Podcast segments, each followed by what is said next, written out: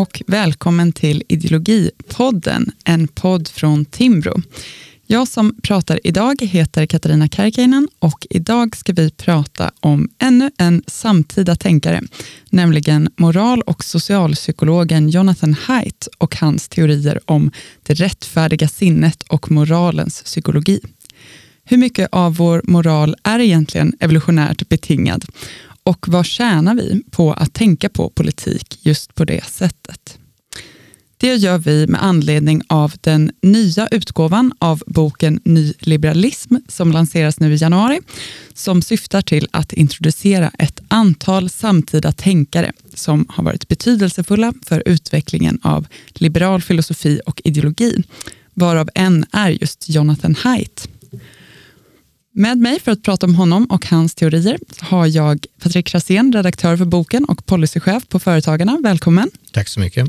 Och Ebba Karlsson, psykolog och filkand i filosofi som forskar och föreläser inom politisk psykologi. Välkommen. Tack.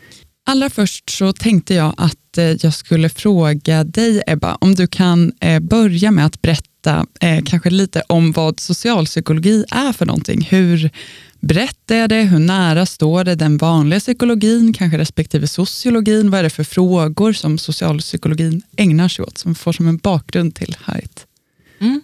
Socialpsykologin är ju väldigt brett eh, och det jag har fokuserat mest på är politisk psykologi, som även det är väldigt brett.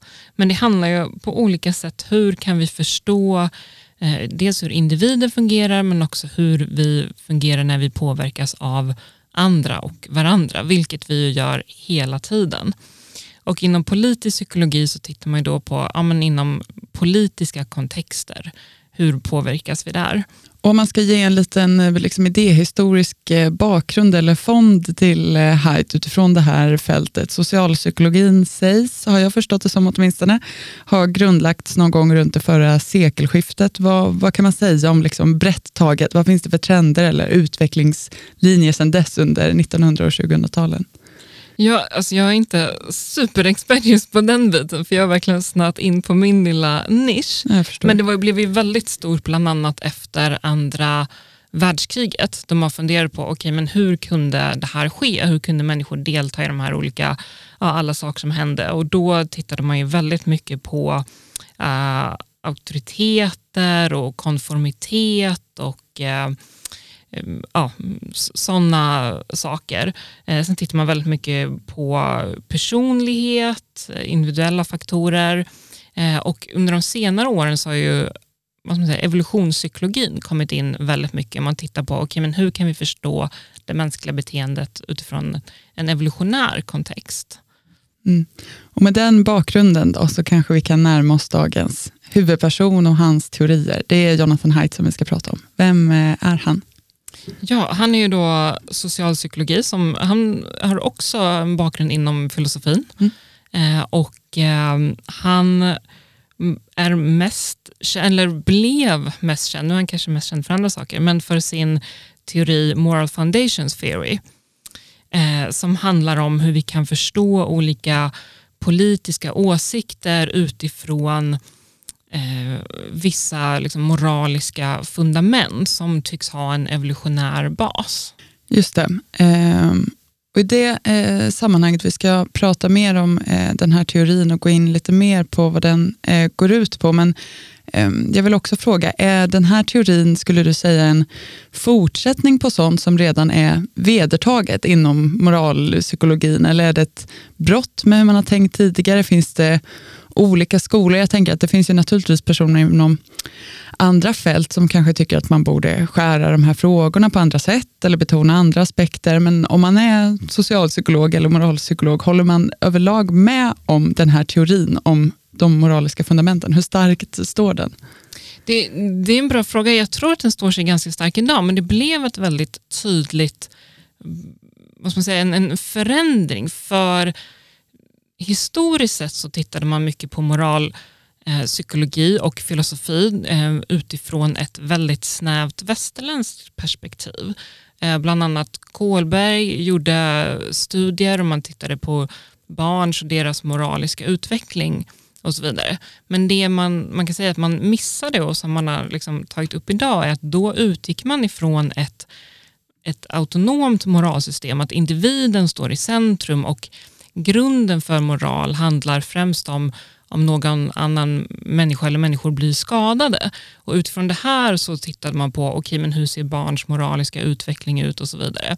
Och det är Haidt och andra, det var också ett väldigt eh, stort överlapp mellan sociologi, det var många sociologer som då åkte runt i världen och såg att ja, men det här ser helt annorlunda ut på andra ställen. Man utgår inte alls ifrån individen eller huruvida någon kommer till skada. Moral är mycket, mycket bredare än så. Och Det var det som liksom Haidt började intressera sig för.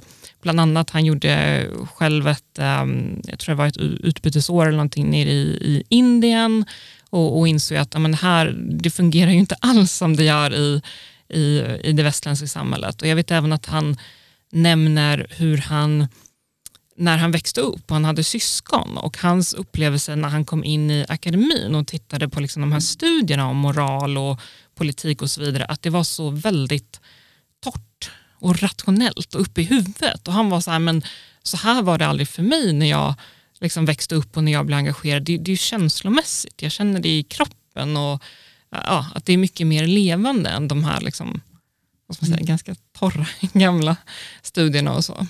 Ja, det är intressant att du säger det. Det där känns som en eh, aspekt av hans eh, teori, eller eh, vad ska man säga, det som han har tagit sig an, som inte alltid har kommit eh, fram i den svenska debatten. Men i eh, boken Rättfärdig så skriver han väldigt mycket om det och verkar väldigt upptagen vid detta. Kanske framförallt att västvärlden ska förstå hur ehm, ehm, liksom personer på andra platser kan förhålla sig till de här frågorna om liksom, moral. Mm.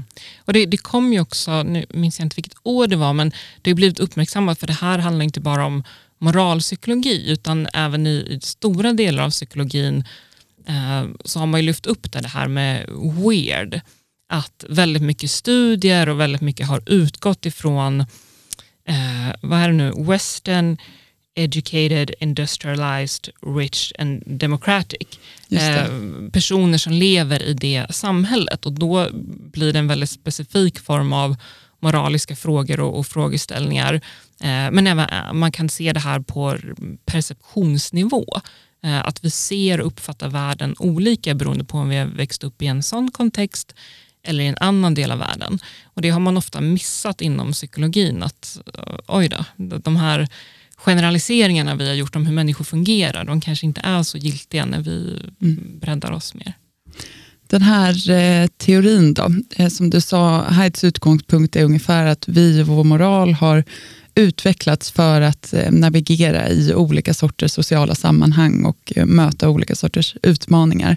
Om vi ska börja lite grann med att prata om eh, förutsättningarna för den här eh, eh teorin, MFT, eller teorin om de moraliska eh, fundamenten den, kräver ett antal grundantaganden för att vara giltig, så att säga.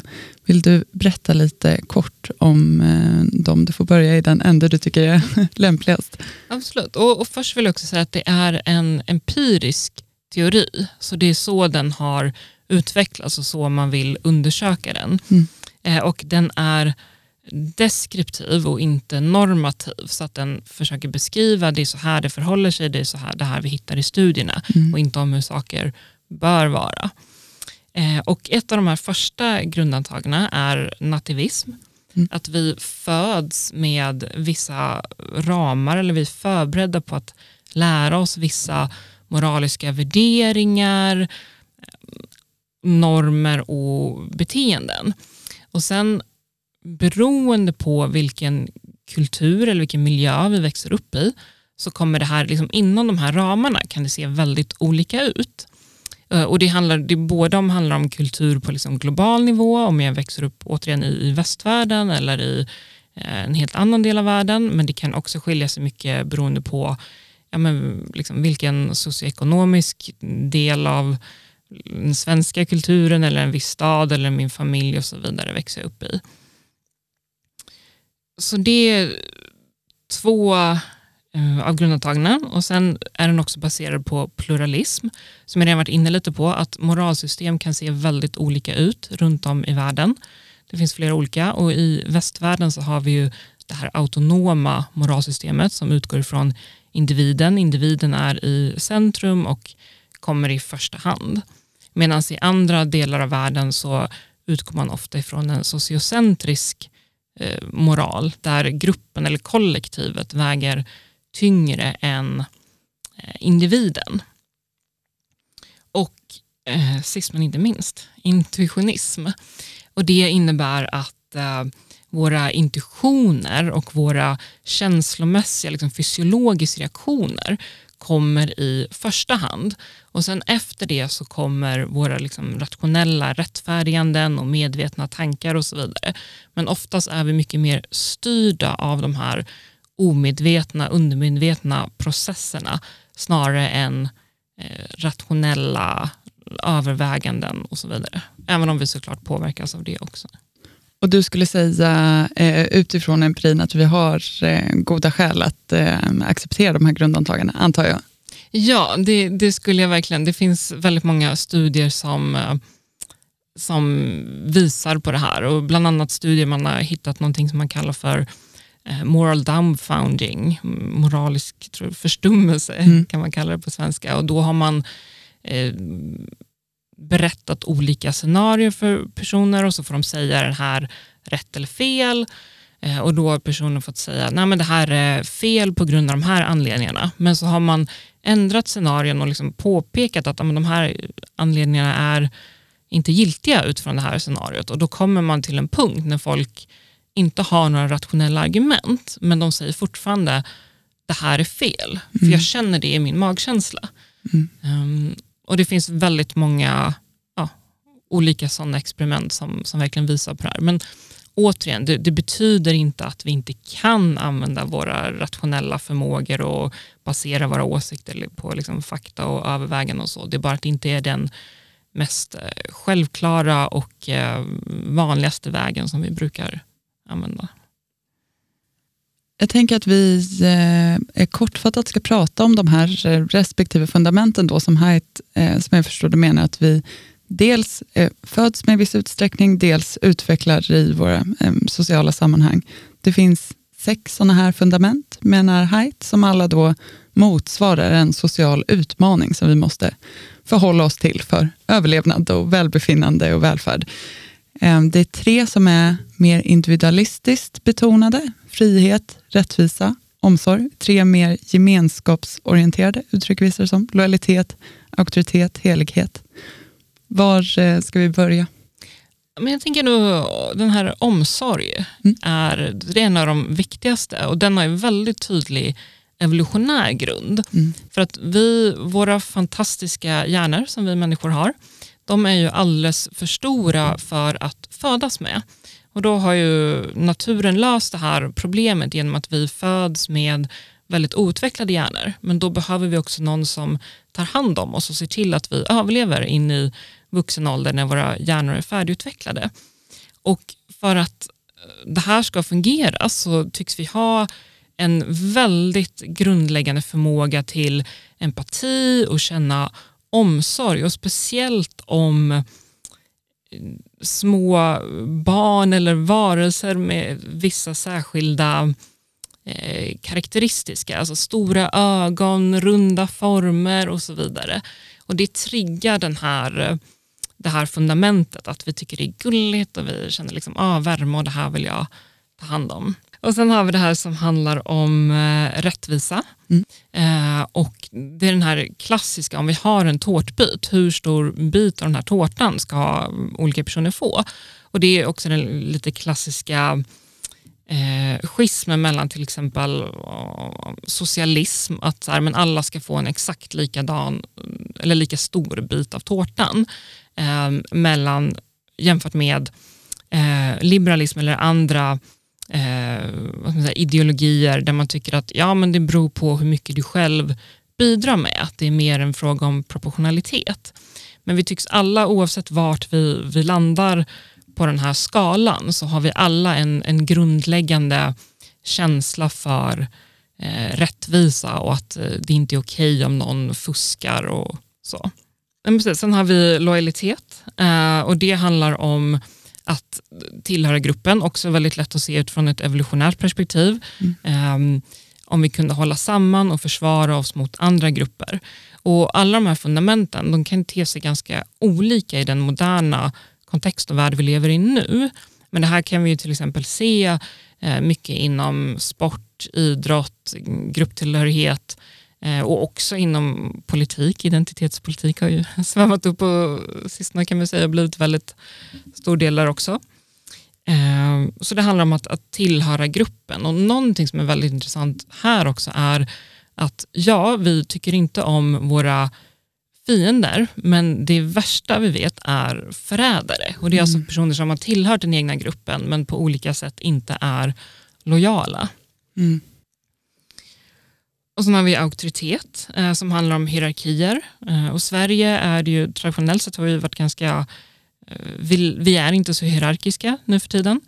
Eh, och hierarkier kan ju i en svensk kontext ses som ofta någonting negativt. Men det behöver det ju absolut inte vara. Um, bland annat liksom det här barn och föräldrarrelationen. Där finns ett exempel på hur det kan vara en, en positiv auktoritet. Eh, jag jag själv idrottat mycket, spelat basket och då var det självklart att man hade liksom en, en coach som um, en välvillig coach som, som ledde och som var liksom hård men rättvis och man lyssnade och man, det var den personen som bestämde. Eh, men det här är någonting som jag tänker i den moderna kontexten i Sverige också, det, är flera av de här fundamenten som, som um, vi kanske har lite svårt att förstå uh, utifrån ett traditionellt svenskt perspektiv. Men idag när det finns många olika kulturer här så kanske vi, det vore bra om vi blev mer medvetna om och kan förstå dem utifrån olika håll. Men det kan vi säkert återkomma till. Mm. Eh, sen har vi det här med helighet. Apropå det du sa nyss. Ja, exakt. Det är väl det allra bästa exemplet på det. Eh, och Det är ju enklast att förstå också utifrån ett religiöst perspektiv. Eh, att man ser någonting som, som upphöjt och eh, rent och så vidare. Men det kan också ta sig uttryck i, i väldigt många andra kontexter. Man kan se det inom till exempel många människor som blir um, väldigt fokuserade på att äta liksom, ren mat eller till exempel inom klimatrörelsen och inom andra kontexter så kan man se det här fundamentet att någonting är liksom rent och det äkta och det fina eh, och det måste försvaras mot att bli liksom, eh, degraded eller på olika sätt um, vanhedrat. Mm. Um, och så har vi frihet och förtryck som Eh, ur ett evolutionärt perspektiv verkar utvecklas när vi, när vi fick den här förmågan att gå samman mot den här starka alfahannen eller vad det nu var som liksom försökte ta över gruppen. Eh, och då kunde vi eh, gå samman eller använda vapen och eh, ta bort den här mobbaren eller förtryckaren.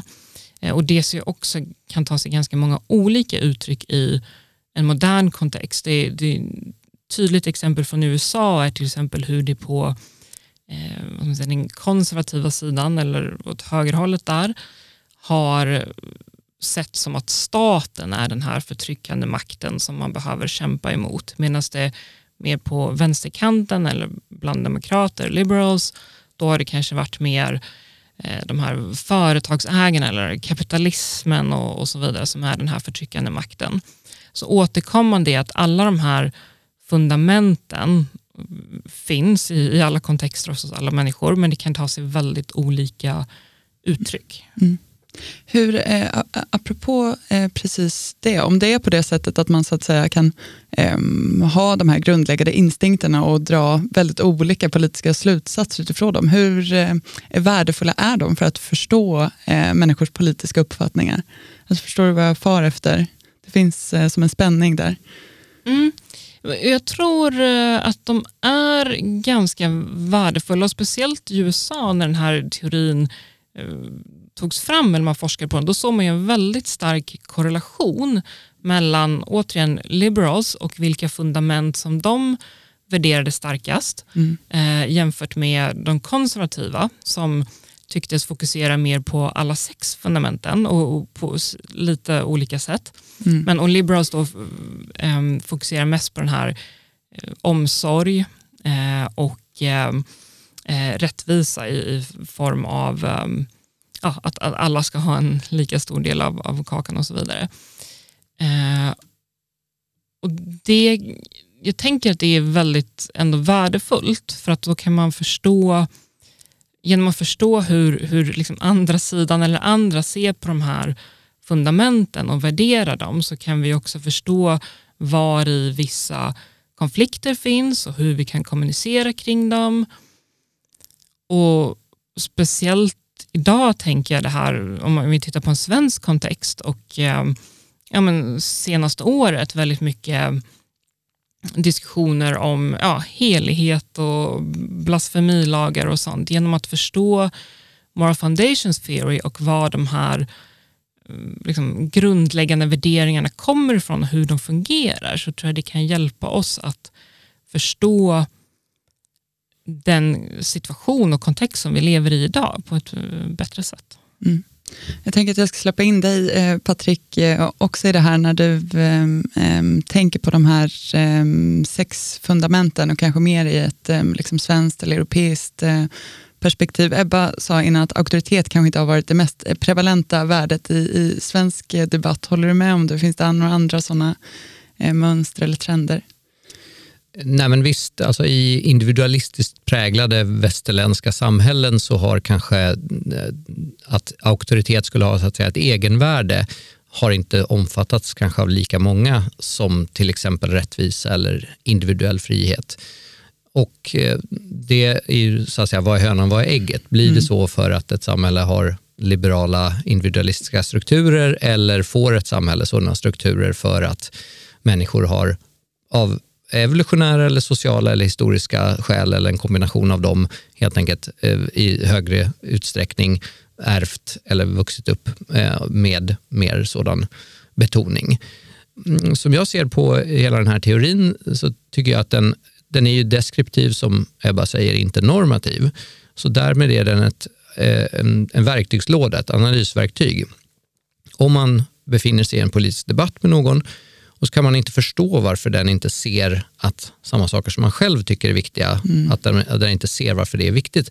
Kanske det är så att man får kliva ett steg bakåt och, och fundera, finns det några underliggande premisser som inte nödvändigtvis behöver då vara rationellt fram eh, alltså att man kommit fram till dem utifrån rationellt resonerande, utan det kan vara av ens uppväxtskäl eller av eh, någon typ av uppfattningar som är, går bortom det jordliga, alltså religiösa eller, eller andra uppfattningar. Eh, starka intryck som man har fått som har format eh, en uppfattning man har eh, utan att man rationellt har tänkt igenom om, om det är den rätta eh, eller, eller något annat. Och man funderar, är det så att den här personen kanske eh, resonerar som den gör för att den fäster större värde vid någon av de här fundamenta än vad jag gör. Om, om jag är väldigt liberal och fäster väldigt stor vikt vid individens frihet och inte bryr mig egentligen dyft om helighet, då kommer någon som fäster väldigt stor vikt vid säg, tradition, helighet, auktoritet och jag att prata förbi varandra när vi ska försöka prata om vad bör göras.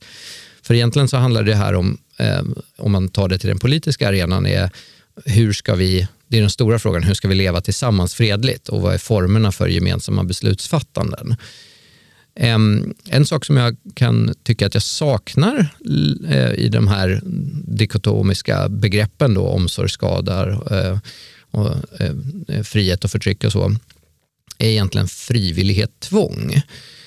Eh, för jag kan tycka att eh, det är en kvalitativ skillnad på om man avkrävs eller att det krävs, ses som ett värde att man är lojal till exempel eller respekterar en auktoritet i en, ett sammanhang som man frivilligt har gått in i.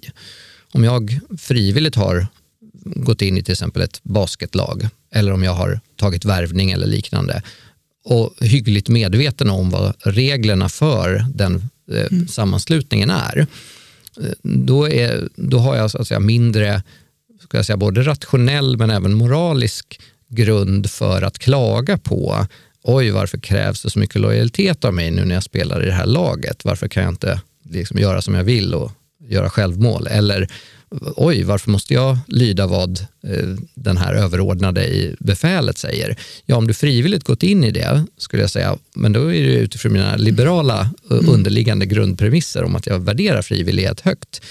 Ehm, det tycker jag är en moralisk dimension eh, som eh, i de här diskussionerna om vilka av de här fundamenta som man värderar mera eh, tycker jag saknas. Och det saknas lite hos, hos Haidt också. Så att säga.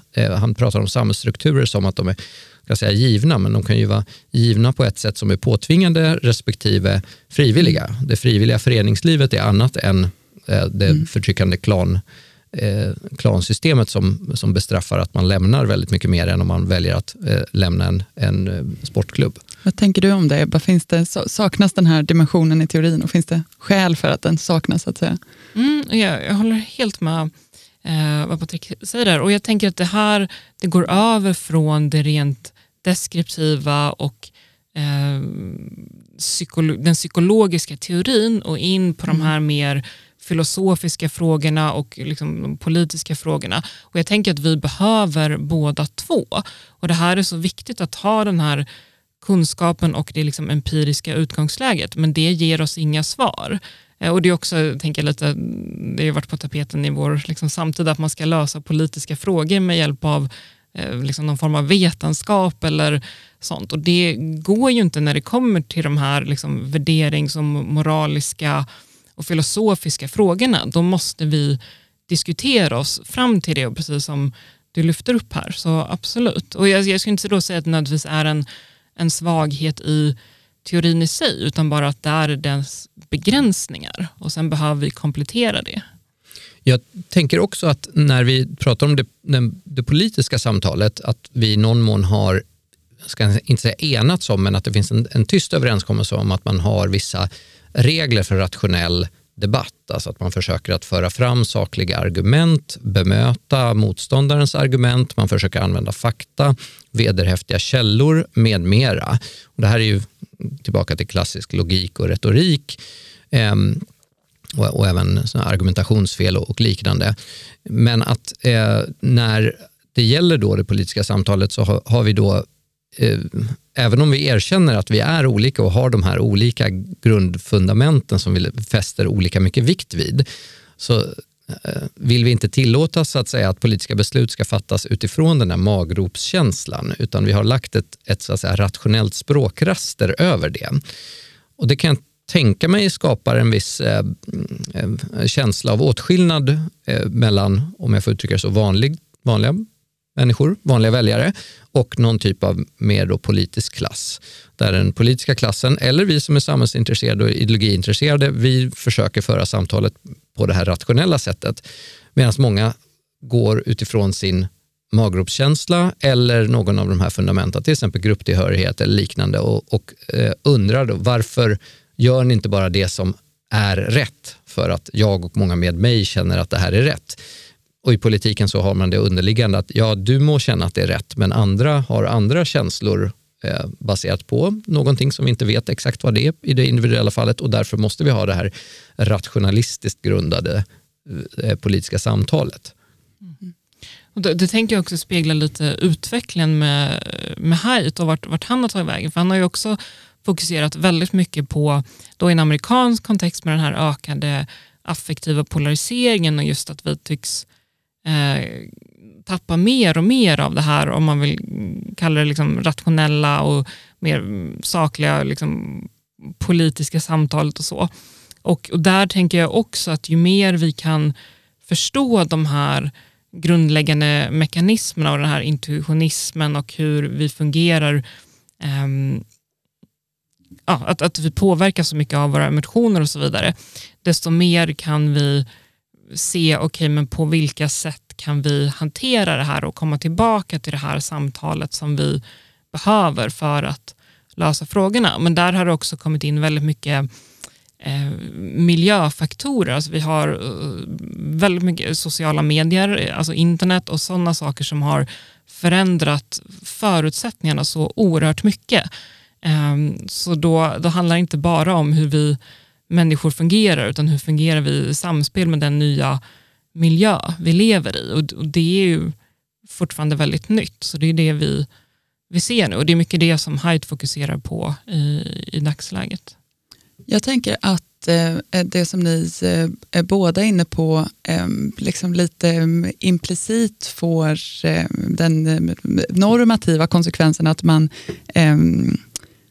också måste utgå ganska mycket från de här eh, känslorna eller eh, fundamenten. Patrik, du sa att, eh, eller uttryckte det som att ja, och de behöver inte nödvändigtvis vara rationella. Och det kan man ju, det kan så att säga vara deskriptivt, deskriptivt eller normativt. Behöver de vara rationella? Så här tar jag en, en metafor att ehm, sinnet är delat som en ryttare på en elefant och ryttarens uppgift är att tjäna elefanten och ryttaren är våra medvetna resonemang och han skriver att elefanten är de övriga 99 procenten av våra mentala processer. Det eh, kan ju eh, eh, kännas som en ganska pessimistisk syn på eh, det mänskliga förnuftet och vår förmåga till eh, upplysning och, rationell diskussion. Och det låter som eh, någonting som man kanske inte nödvändigtvis skulle företa sig om man hade alternativet att eh, göra någonting annat än att rida på elefanten. Så att säga.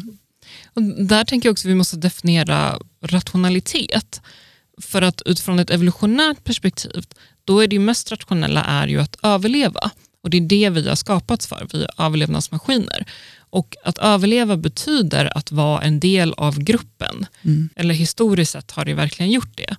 Eh, och det är därför våra hjärnor och nervsystem och vi har utvecklats på det här sättet. Att det är viktigare att, att ha en åsikt eller på olika sätt visa hur jag tillhör min egen grupp än att hitta liksom, sanningen om universum med liksom, stort S.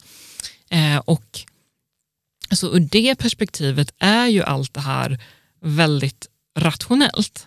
Men det är ju inte på det sättet vi använder rationalitet eh, när vi pratar nu. tänker jag. Men jag tänker att det är väldigt viktigt att, att ha det i åtanke att det här är inte ett konstruktionsfel på något sätt. Mm. Och jag är också jag är klinisk psykolog i, i, i grunden och jag tänker att det här är inte nödvändigtvis någonting problematiskt. Vi, om vi är i en kontext där vi först till exempel bygger relation med varandra, vi känner oss trygga, jag menar som i det här rummet, det, då, då slås de här man säger, psykologiska försvarsmekanismerna av och den här överlevnadsinstinkten kommer inte i främsta hand. Och det är då de här, så som vi pratar om rationalitet, det är då de förmågorna, vi kan använda dem och vi kan titta på olika Ehm, liksom frågor från olika perspektiv och ta in fakta och så vidare. Och vi kan då, det är väldigt viktigt som sagt att i den här teorin, eh, social intuitionist, intuitionist model som Jonathan Haidt har, då då framgår det, liksom, jag, jag, ser en bild framför mig, men, har inte, men då, då framgår det liksom att som sagt, vi kan eh, mm. tänka oss, liksom, använda vår rationella förmågor och komma till andra åsikter som inte nödvändigtvis stämmer överens med vår grupp och så. Men då måste vi ha de här förutsättningarna, en grundläggande trygghet och, och så vidare. Är det inte också, om man ser det över tid, ju mer möjligheter man har att eh, kan säga, utsättas för någonting som man inte är van med. Om man säger, till exempel, du tar upp i, i ditt kapitel den här känslan av äckel. Jag tänker rätt ofta på det, att, eh, att det man, en känsla av äckel är inte rationell, utan den är ju på något sätt, den finns inom en och sen om den är biologisk eller var det nu kommer ifrån. Eh, men det begränsar ju en som person i livet. Eh, man mår ju inte bra av att känna äckelkänslor. Jag skulle nog kunna nästan säga axiomatiskt att om en person skulle få välja mellan att känna äckelkänsla inför någonting och inte göra det så skulle man välja att inte göra det. Ehm, och att över tid så har människor, eh, eh, när de utsatts för sådant, eh, mer och mer av sådant som man tidigare inte hade utsatts för. Och det är både genom sådant som att vi träffar andra typer av människor, genom att vi reser mer, vi tar del av mer genom kultur, media och annat, olika uttryck. Vi har lärt oss genom välståndsökning att hantera nya typer av föda med mera. Alltså att en, en, en, ur ett liberalt perspektiv, då, eller någon slags marknadsliberalt perspektiv, att den utvecklingen som vi har sett leder till att det är färre saker som man känner kanske spontant äckel inför, även om den fundamentan finns där att man gör det. Att eh, det eh, är är det någonting som man bör så att säga, sträva efter? Alltså finns det vissa av de här fundamenta som man mm. bör för att det helt enkelt är bättre både på någon slags makronivå och för individen att försöka minska det. I, I skolan försöker man lära ut vissa värdegrunder om människors lika värde och respekt för olikheter etc. Så ehm, och på marknaden så utsätts man också för saker som man inte har stött på. Plötsligt så är det så att ja, nu kan du, du kanske har känt äckel när du var barn inför, eh, inför tanken att äta maskar, men nu kan du äta mealworms och de smakar ungefär som jordnötter. Och när man utsätts, utsatts för det och kanske testat det så inser man att ah, det fanns inget skäl att, att ha äckel inför det. Så jag tänkte fråga dig Ebba, hur du och kanske Haito då eh, ser på det här med något slags lärande över tid, både på individuell nivå och på, på mer samhällelig nivå, hur det påverkar de här fundamenta. Kan, kan, eh, kan ett land eller en grupp utvecklas bort från att ha väldigt mycket emfas vid någonting och, och hamna i att lägga mer emfas vid något annat, till exempel för att gå bort från auktoritet mot frihet. Mm. Mm. Eh, så många olika nivåer och, och komplexitet i den här frågan, men jag tänker ta eh, speciellt två olika spår. Och det ena är att det tycks finnas på väldigt övergripande nivå två sorts människor. Antingen de som är mer öppna eller de som är mer stängda. Och Det här är liksom biologiskt genetiskt betingat och det hänger ihop med hur benägna vi är att eh, uppleva äckel inför olika stimuli och man kan också titta på om man får se abstrakta former, om man tycker det är jobbigt, om man vill ha liksom tydliga stängda former, alltså man är inte så bekväm med ovisshet och så vidare. Och om vi återigen om vi tittar från ett evolutionärt perspektiv så är det ofta det är bra att ha en grupp som är väldigt liksom framåt och ska ut och utforska och ja, orädda och kanske inte upplever så mycket äckel. Men det är ju också väldigt bra att ha den där gruppen som säger nej men stopp och belägg, jag, jag tycker det här är lite läskigt och jag stannar här. och så, För det ökar ju eh, liksom, överlevnaden för, för alla. För om alla stack iväg och testade det där nya och så visar det sig att det är jättefarligt, då, då blir det ju inte bra. Men, men om ingen går iväg och testar, nej men då utvecklas vi inte heller. Och Det här är ju återigen den här klassiska eh, konservatismen jämfört med andra ideologier, att det finns en väldigt viktig funktion där. Sen exakt hur, hur det liksom tar sig uttryck på politisk och eh, den kontexten och så, det, det, är en annan fråga. Men, men jag tror att i grunden så är det någonting värdefullt att det finns liksom de här två olika krafterna eller motpolerna.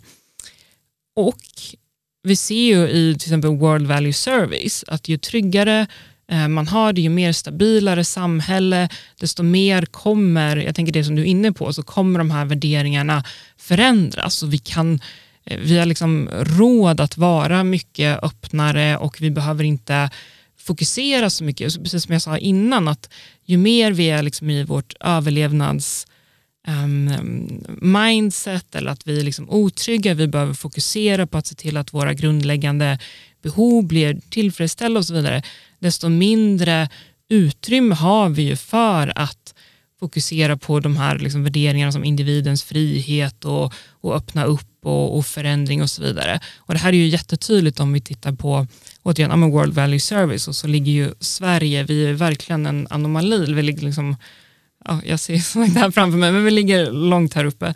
Mm. Um, för åter, ja, var det någon form av svar på? Ja, nej, men det, jag tänkte, det jag tänkte anknyta till lite grann eftersom vi sitter på Timbro eh, är att det här är ju deskriptivt och det är lätt att när man läser om när man läser Haidt och när man läser om det här att man får en bild av att ja, men så här är människor, de har de här fundamenta och eh, om, man, eh, för, om man hamnar i sina eh, åsikter eller ståndpunkter utifrån eh, det, det nativistiska, det medfödda eller det man så att säga har fötts in i och någon slags in, intuitioner och sen så lägger man ett rationellt raster på det. Då kan man ju bli lite uppgiven om man vill försöka förändra ett idéklimat till exempel. Mm. jag tänker på när eh, Sture Eskilsson och Carl-Johan Westholm och andra när man grundade Timbro och Ratio och eh, SAF på 70 80-talet höll på med att försöka förändra eh, det politiska samtalet och idéklimatet i Sverige, då utgick ju det väldigt mycket från en idé att man kunde genom eh, argumentation och kommunikation ändra människors ståndpunkter. Eh, man utgick inte ifrån att folk är Eh, fundamentalt som de är och det går väldigt, väldigt svårt att förändra, utan man hade en tanke om det. Det var ju ett underlag till en SAF-kongress, eh, jag tror det var Carl-Johan Westholm som skrev det, som hette Skapande eller bevarande Sverige. Apropå det du sa, de bevarande, de är de då som skulle vara den typen av människor som ska vara så här, nej vi ska inte gå så fort fram här eller nej, vi måste nog eh, bevara det som finns. Och då menade ju då SAF och Westholm i den här skriften att det har varit för mycket fokus på det. Vi behöver också ha det skapande som ju är eh, entreprenöriellt framåtblickande, testa det nya och så vidare.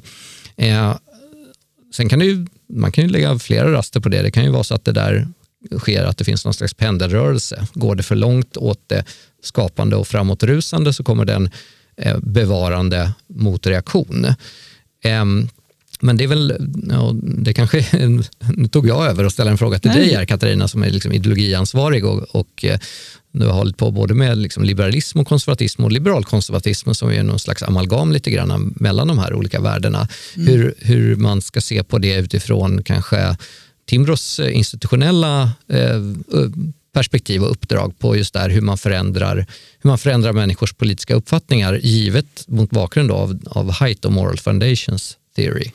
Nej, och det är ju verkligen um, en tanke som finns i um, all verksamhet på Stureakademin när vi pratar eh, med unga människor. Där Ebba eh, är och föreläser och, och, du också uh, Patrik och den här podden och i bokutgivningen att man liksom kan ehm, närma sig frågor som vi tycker är viktiga på en massa olika sätt och skära dem på olika sätt. Och, Ehm, så att, eh, absolut, men sen på ett personligt plan så eh, känner jag nog att jag inte eh, blir ehm, riktigt klok på hur, liksom vad man ska dra för slutsatser av de här ehm, liksom insikterna och det som ni Ehm, var inne på och pratade om nu. Jag tänker att det är ju en god poäng att eh, ehm, pluralism kanske inte nödvändigtvis eh, måste finnas på individnivå om man tänker att det, eh, det värdet kan så att säga, eh, eller syftet kan liksom uppfyllas på en makronivå i ett samhälle om eh, vissa är lite mer framåtsträvande och andra är hellre lite mer försiktiga. Men ytterst blir det ju ändå, eh, om man själv bara funderar på när man tar sig an frågor, en, en fråga om Eh, vid, eh, i vilka situationer eller vilka, vid vilka kännetecken eh, ska en situation ha där man eh, agerar på de här intuitionerna eller inte. För jag kan absolut tycka ibland att eh, i Sverige så är vi snabba att tänka att de här moraliska intuitionerna är någonting som vi har rört oss förbi, så att de ska man inte uppehålla sig vid så mycket. Men i vissa situationer eh, så kan de ju verkligen eh, berätta någonting eh, värdefullt om det ena eller andra vägvalet. Eh, det kan ju vara så att man får en eh, känsla inför någonting därför att det faktiskt eh, finns någonting där som är fel eller någon väg som man inte borde gå. Men det är lite svårt att identifiera liksom, precis vid vilka tillfällen eh, när det är så och när det inte är så. så att säga. Det behövs nästan ett raster till av vägledning i, i de här värdena. Får jag lägga till det? För mm. Jag är ju som sagt också eh, utifrån den kliniska psykologin, jag tänker absolut att människor kan förändras alltså på mycket liksom svårare områden än bara politiska åsikter och så. Och Det tänker jag också Haidt är väldigt tydlig med, att vi, vi kan ändra åsikter och, och vi kan mm. också, så här, även om det finns en genetisk bas för hur mycket vi upplever äckel och så vidare och hur ja, ångestdrivna vi är och så vidare, det kan vi också förändra jättemycket. Det, det som saknas är väl kunskapen om hur vi gör det och, och för att knyta an till det mer politiska, att det här kunskapen om att, att få, för att någon ska lyssna på oss eller få påverka deras eh, åsikter så måste vi börja med att, att återigen bygga relation, skapa den här tryggheten, prata till de här intuitionerna, elefanten då som, som Hyde pratar om i sin metafor, eh, eh ryttaren och elefanten eh, istället för att liksom, ja, men här kommer jag med fakta och slår i huvudet på dig och det mm. funkar inte. Eh, så det handlar inte om att det inte går att ändra åsikter eller förändra eller påverka. Det handlar bara om att ju mer vi förstår om hur människor fungerar, desto bättre kan vi ta oss an det här. Och sen finns det också det här lite dilemmat att ja, men liksom, ja, men kommer vi in på propaganda då? Ska vi bara tala mm. till de här emotionerna? Vi har ju, ja, men det finns en, eh, jag vet inte om det ökar, men det är mycket populism och sånt som liksom går direkt på emotionerna och så. Lite det vi var inne på förut, men hur får vi tillbaka till det här eh, rationella? Och, och lösningen som Haidt och de här teorierna hjälper oss med är ju då inte att ja, men då ska vi ha ännu mer liksom, propaganda och prata bara till emotionerna och så, utan vi, men vi måste ändå förstå det här för att återigen skapa de här eh, förutsättningarna för mm, goda samtal och eh, förändring. Ja, Haidt eh, hoppas ju själv att eh, den här teorin ska eh, underlätta för människor att hålla sams. Han skriver i Det rättfärdiga sinnet om Rodney King, den här eh, svarta mannen som ett år tidigare hade varit nära att misshandlas till eh, döds av fyra poliser i eh, Los Angeles och 1992 då när eh, våldsamma upplopp följde på detta så vädjade han att vi kan väl hålla sams. Vi är fast här ett tag allihopa. Vi kan väl bara försöka få det att eh, funka. Och Det är ju en behjärtansvärd eh, inställning. Tror ni att Haids teori kan bidra till det här? Ja, och jag vill också lyfta upp, han kommer ut med en ny bok i mars som heter The Anxious Generation. Mm. Och den vad man säga, tagline för den är att We have overprotected children in the real world and underprotected them in the virtual world. Och Han fokuserar väldigt mycket nu på den här cancel culture, det som händer på campus och så vidare. Och Det här hänger också ihop med då, eh, som jag är inne på, klinisk psykologi, att hur, eh, om vi inte får lära oss att vara med eh, liksom otrygghet och hantera våra känslor och så vidare, det kommer också påverka hur vi sen agerar när vi möts av eh, inte bara liksom olika stimuler men olika åsikter och så vidare. Eh, så, så där, jag, jag, tänker att allt det här hänger ihop och det går att eh, ju mer vi, vi förstår desto mer kan vi förstå hur vi behöver förändra vår eh, miljö och de kontexter vi befinner oss i för att komma tillbaka till det här um, rationella Eh, samtalet och så vidare. Så jag tror det, det finns lite hopp, men det finns också mycket kvar och eh, det finns mycket som behövs göras. Jag tror att eh, ett dilemma kan vara att, eh, låt säga som en hypotes att ju mer man eh, på något sätt interagerar med andra eh, som har helt andra fundament än man kanske har själv och förstår då mera varför de har andra prioriteringar än andra åsikter. Som hypotes då, det gör att man får en större förståelse då för olikheter. Men det där vill vi ju, och jag säger vi i någon slags liberal kontext, det vill vi att det ska ske frivilligt. Och då finns det den där barriären att man kanske inte frivilligen söker sig till helt okända kontexter eller arenor där man aldrig har varit och inte känner någon helt enkelt för att, det finns människor som gör det men, men väldigt många skulle nog välja att eh, gå dit man känner att eh, där man trivs. Eh, och då, eh, och det vill vi tillåta utifrån någon slags frivillighet. Vi vill inte tvångsförflytta folk, tvångsblanda folk eh, för det, för med, med, politiska medel. Även om vi skulle hypotetiskt se att det skulle kunna leda till en större förståelse för andra grupper än ens egen eller andra personer än, än en själv och andra fundamenten då man själv lägger eh, tonvikt vid. Och det, därför tycker jag att Haidt eh, teori Eh, den ställer upp ett, ett visst, eh, en utmaning för liberalt sinnade personer som inte vill ta till eh, politiska tvångsåtgärder även om, det, om de motiveras av i sig goda mål. Det kan man ju applicera på många områden men här, här pratar vi just om det här lärandet som skulle kunna ske av att eh, utsättas för eh, andra fundament än de man är, är, själv känner sig hemma med.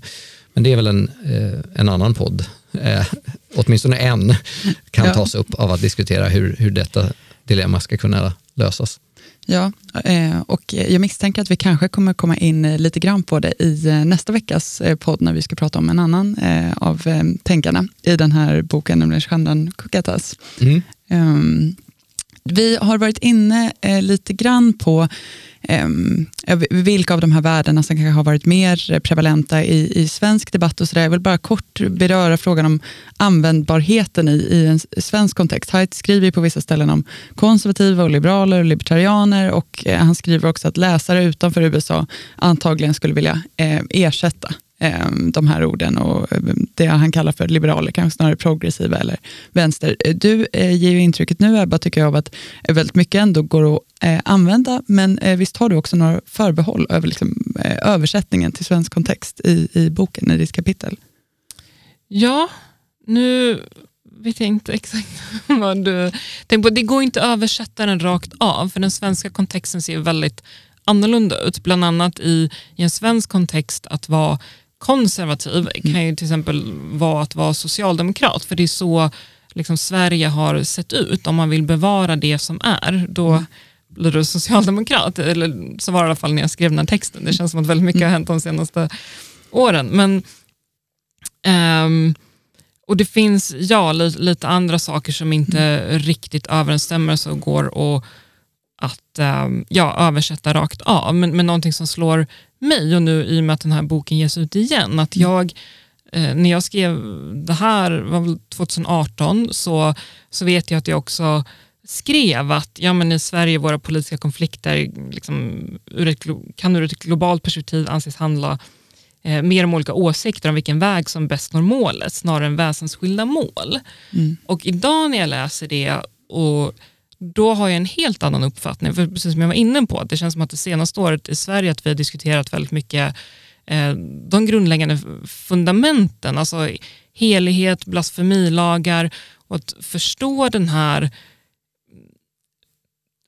teorin har blivit relevant på ett helt annat sätt än jag kunde föreställa mig. Att förstå de här olika moralsystemen som krockar idag, från det autonoma eh, jämfört med det sociocentriska. Och det tänker jag i en svensk kontext idag är så oerhört viktigt att förstå för att förstå de utmaningar som vi står inför och kunna hantera dem på ett bra sätt. Och där tänker jag att eh, den här teorin är mer relevant än någonsin. Eh. Det känns som att det finns eh, en massa fler trådar i det här ämnet som man skulle vilja dra i, men vi behöver runda av. Ehm, allra sist tänkte jag ändå att jag eh, bara skulle fråga, ehm, fastän vi har kommit in på en massa aspekter som kanske illustrerar just det. Vad är det som gör att Jonathan Haidt eh, platsar i en bok om liberal idéutveckling, Patrik? Ja, när vi satte samman boken från början så eh, insåg vi att han var en lite udda fågel eftersom han ägnar sig mm. inte åt eh, någon normativ moralteori eller liknande eller ekonomisk politik eller så. Eh, men det handlade ändå om hur man eh, med en, en liberal, liberaldemokratisk grundsyn kan se på konflikter, hur man kommunicerar, hur man kommunicerar ut liberalism, klassisk liberalism och eh, eh, hur man ska se på varför människor inte är liberaler kanske, eh, om, om man själv är liberal. Och Det går väl att översätta åt andra håll också. Alltså en, en socialdemokrat kan ju, ta, kan ju läsa Haidt och få insikter om varför alla inte är goda socialdemokrater. Så det, det är en del i en verktygslåda där man skulle kunna lägga till annat också, men jag tycker att det ligger så nära de ideologiska och eh, filosofiska aspekterna som finns i andra kapitel att eh, det platsar väl och, och också kompletterar väl de, mm. de andra kapitlen i boken. Mm. Ja, men det tycker jag verkligen. Och, eh, åtminstone jag tycker att det här eh, samtalet har illustrerat även det. Om eh, ni har varit intresserade av det här samtalet så kan ni nog också uppskatta förra veckans avsnitt av Ideologipodden om ekonomen och spelteoretikern Kenneth Binmore och hans teori om rättvisa som just någonting som utvecklas naturligt. Ni kan förstås även läsa om honom, om Jonathan Haidt och många andra samtida tänkare i den nya utgåvan av Nyliberalism som finns att beställa.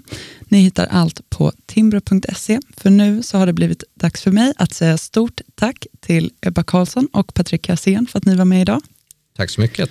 Tack. Tack även till er som har lyssnat och jag hoppas att vi hörs igen nästa vecka.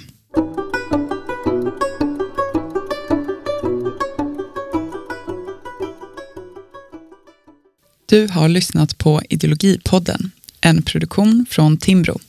Redigeringen står Johan Skugge för och musiken är gjord av Anders Meissner.